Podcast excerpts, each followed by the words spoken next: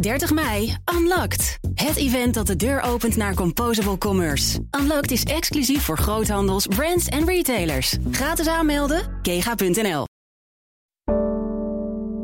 Een goedemorgen van het FD. Mijn naam is Roger Cohen en het is donderdag 30 november.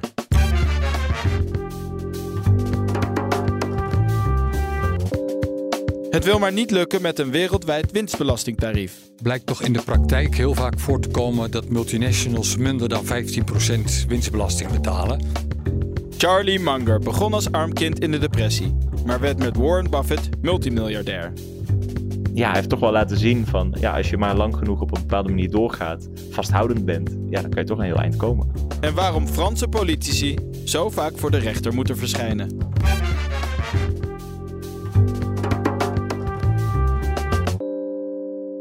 Dit is de dagkoers van het FD. We beginnen bij de winstbelasting voor multinationals. Waar het eerst nog leek dat er een uniform belastingtarief van 15% zou komen, lijkt dat nu in het water te vallen. Redacteur Laurens Berendsen vertelt je hoe dat zit. En waar, verrassend genoeg, multinationals de minste winstbelasting betalen. De OESO heeft vorige week een rapport gepubliceerd over, een, uh, over hoe het nou zit met de winstbelasting die multinationals in allerlei landen betalen. En dan blijkt dat uh, in het verleden werd er altijd gedacht, nou multinationals ontwijken vooral belasting via belastingparadijzen. En zoals, uh... nou, zoals Bermuda, de Cayman-eilanden, Guernsey, Jersey. Um, maar, dat, uh, maar dat blijkt eigenlijk niet zo te zijn. Ook in landen waar, uh, waar officieel een hoog tarief is voor de winstbelasting of de vennootschapsbelasting, bijvoorbeeld van meer dan 20 procent, blijkt toch in de praktijk heel vaak voor te komen dat multinationals minder dan 15% winstbelasting betalen. En die 15% is de minimumbelasting die in 2021 is afgesproken, die multinationals wereldwijd zouden moeten gaan betalen. En hoe kan het dat die effectieve belasting dan lager uitkomt? Ja, dat komt omdat uh, ook in landen waar ze nominaal, zoals het dan heet, een hoog tarief hebben, toch allerlei belastingvoordelen toekennen uh, aan vaak multinationals om investeringen in die landen eh, binnen te halen. Ja, in Nederland is de innovatiebox daar nog een bekend voorbeeld van. Dat winst die je met innovatie behaalt, die wordt maar voor 9% belast. In plaats van het gebruikelijke tarief van 25,8% op dit moment. En wat vindt de OESO dat er met deze conclusie moet gebeuren dan? Nou ja, de OESO zegt uh, van uh, de uitkomsten van dit onderzoek, ja, die onderstrepen nog eens de noodzaak om toch met z'n allen af te spreken dat we naar die 15% effectieve belastingdruk gaan. Dus dat multinationals op zijn minst die 15% gaan betalen. Daar zijn ze nu druk mee bezig. In 2021 was daar ook een soort van principeakkoord over. Maar goed, bij de uitwerking blijkt dat toch allemaal weer een stuk lastiger te zijn dan toen voorzien. Of ja, toen wellicht gehoopt. Want op het moment is de stand zo dat in de Europese Unie gaat die minimumbelasting per 1 januari ingevoerd worden. Maar dat is eigenlijk het enige serieuze economische machtsblok waar dat gebeurt. De Verenigde Staten en China hebben in juli nog weer uitzonderingsposities gekregen. En er zijn ook steeds meer landen en landenblokken die terugtrekkende bewegingen maken. En hoe uh, motiveren ze dat? Ja, kijk, de, bijvoorbeeld de Afrikaanse landen. Er waren vanaf het begin al een aantal Afrikaanse landen die, zei, uh, die zeiden van... Uh, ja, voor ons wordt het toch heel lastig om zo'n minimumbelasting... om dat te berekenen en om dat ja, überhaupt uit te voeren. En dat vergt natuurlijk ook wel iets van een belastingdienst om precies dan te weten van hoeveel winst maakt nou een multinational in ons land en hoe kunnen we ervoor zorgen dat ze daar bij ons genoeg belasting over betalen. Dus die hadden dat soort praktische bezwaren. En inmiddels zijn ook uh, Zuid-Amerikaanse landen toch een beetje teruggekomen op hun toezegging om mee te doen. En ook uh, de landen in Zuidoost-Azië vinden dat de regels toch weer herzien moeten worden. En dat komt, ja, ieder land probeert toch ook met die belastingen zijn eigen concurrentiepositie zo goed mogelijk te beschermen. En ja, dan zie je toch weer dat het hemd uh, nader is dan de rok. Is er dan ook een kans dat bijvoorbeeld zo'n innovatiebox in Nederland afgeschaft moet worden, omdat het de manier is waarop die winstbelasting voor bedrijven, voor multinationals lager uitkomt dan 15%? Uh, nou ja, het zal in ieder geval wel zo moeten zijn dat op een goed moment een bedrijf in Nederland op zijn minst die 15% effectieve belasting betaalt.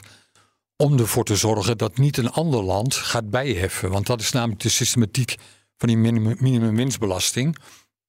Als er in een bepaald land dat dat minimum niet wordt betaald, krijgen andere landen de mogelijkheid om te gaan bijheffen. Bijvoorbeeld het land waar het hoofdkantoor gevestigd is. Ja, het hoofdkantoor ligt dan voor de hand. De gedachte achter dat mechanisme is van het land van vestiging, dus waar te weinig geheven wordt.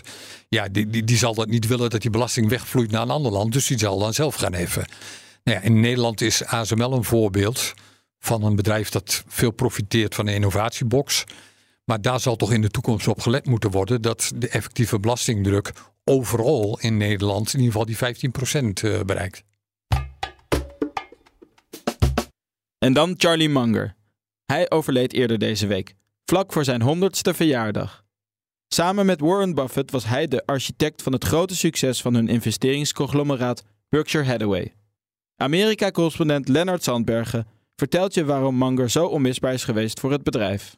Charlie Munger was echt de rechterhand van Warren Buffett, de grote man achter Berkshire Hathaway.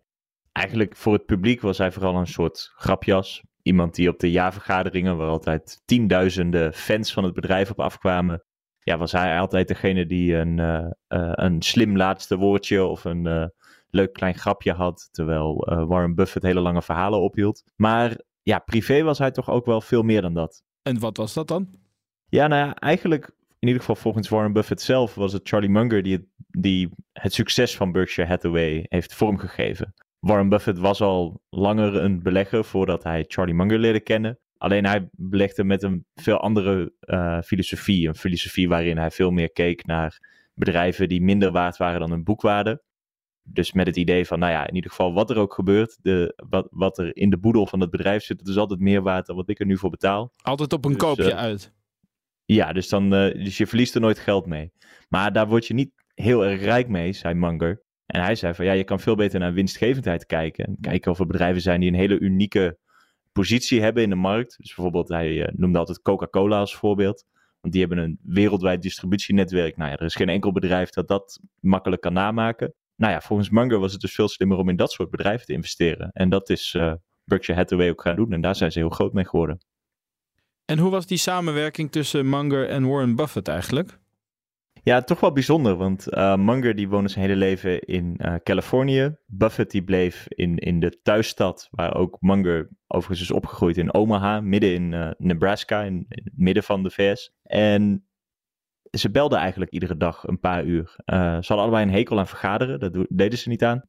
Maar alle beslissingen werden eigenlijk gewoon via de telefoon gemaakt. Dus zij waren uren per dag met elkaar aan het praten over van alles. Ja, en op die manier uh, hebben ze toch een bedrijf opgericht dat nog altijd in ieder geval op marktwaarde gekeken een van de tien grootste bedrijven van de wereld is.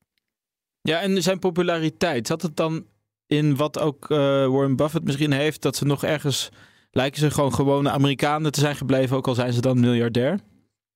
Ja, ik denk het wel.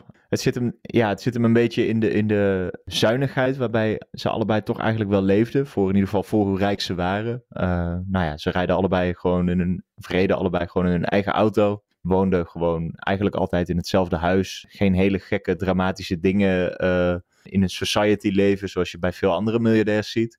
Maar het waren inderdaad in die zin wel hele gewone mensen. En ja, ook het feit dat zij met hun beleggersdag ieder jaar de tijd namen om zes uur lang allerlei vragen van gewone beleggers te beantwoorden. Um, en ook de manier waarop zij toch allebei, maar vooral Munger, heel uitgesproken waren over allerlei hypes. Um, nou ja, zo, Munger heeft zich heel veel uitgesproken tegen de crypto-hype. Ja, um, vond hij onzin of... Uh... Ja, dat vond hij onzin. En, maar waar hij zich dan vooral druk om kon maken, was het feit dat er mensen geld aan verdienden over de rug van anderen.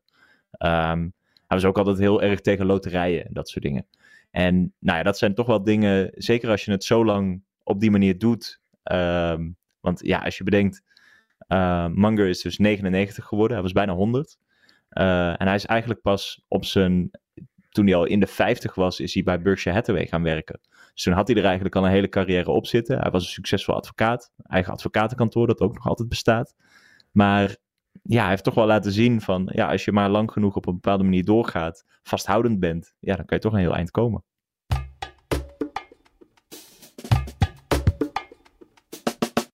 Ten eerste is het een hele bijzondere zaak. Hè? Want voor het eerst is het een minister die tijdens zijn ambtsperiode nog wordt vervolgd voor iets dat hij ook tijdens die termijn zou hebben gedaan. Je hoort onze Frankrijk-correspondent Eva Rammelo. Die vertelt over de Franse minister van Justitie, Éric Dupont-Moretti. Hij moest voor de rechter verschijnen. Maar hij is niet de eerste Franse politicus die verdacht werd van machtsmisbruik.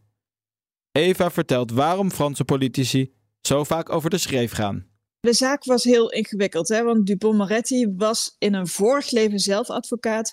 En het komt er nu op neer dat hij de macht die hij nu als minister heeft, heeft misbruikt om uh, eigenlijk korte metten te maken met rechters die hem in die tijd dwars zaten.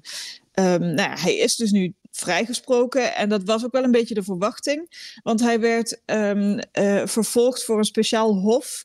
Um, en dat Hof maakt eigenlijk van dat machtsmisbruik een strafzaak, terwijl het eigenlijk gewoon iets waar hij zich voor moet verantwoorden in het parlement.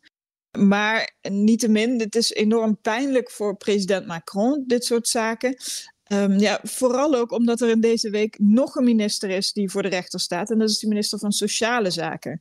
Uh, die zou in zijn vorige baan als burgemeester um, bij een aanbesteding aan vriendjespolitiek hebben gedaan.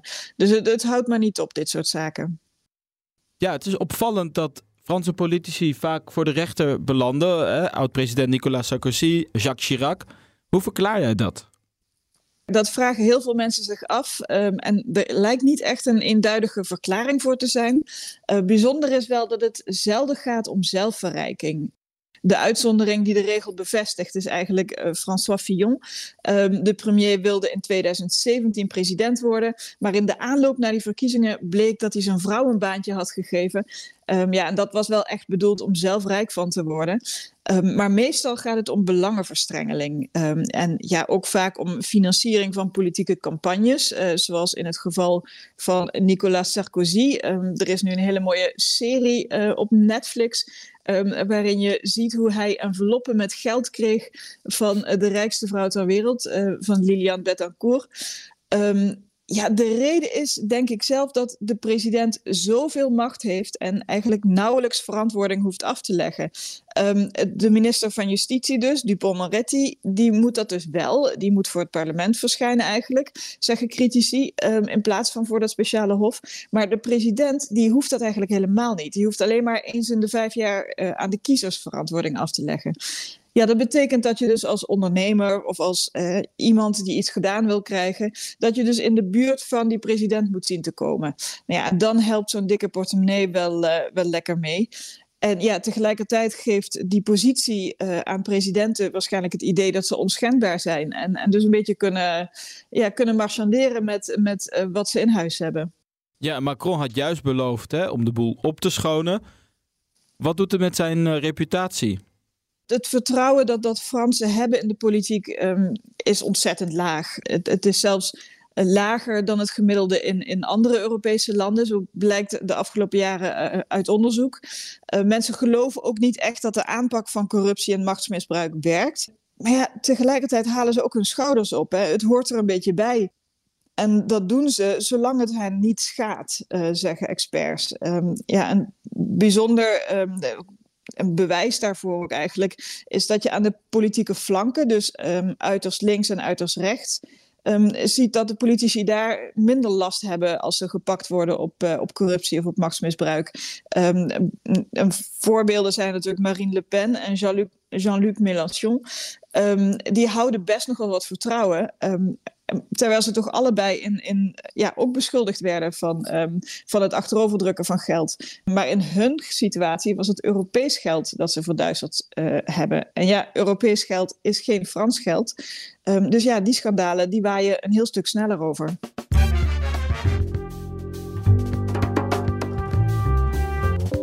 Dit was de dagkoers van het FD. Volg voor het laatste financieel-economische nieuws vooral fd.nl en de FD-app. Dagkoers vind je elke werkdag ochtends in je podcast-app. Vergeet je dus niet te abonneren.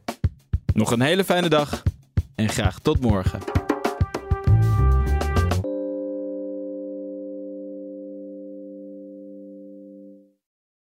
...30 mei, Unlocked. Het event dat de deur opent naar Composable Commerce. Unlocked is exclusief voor groothandels, brands en retailers. Gratis aanmelden, kega.nl.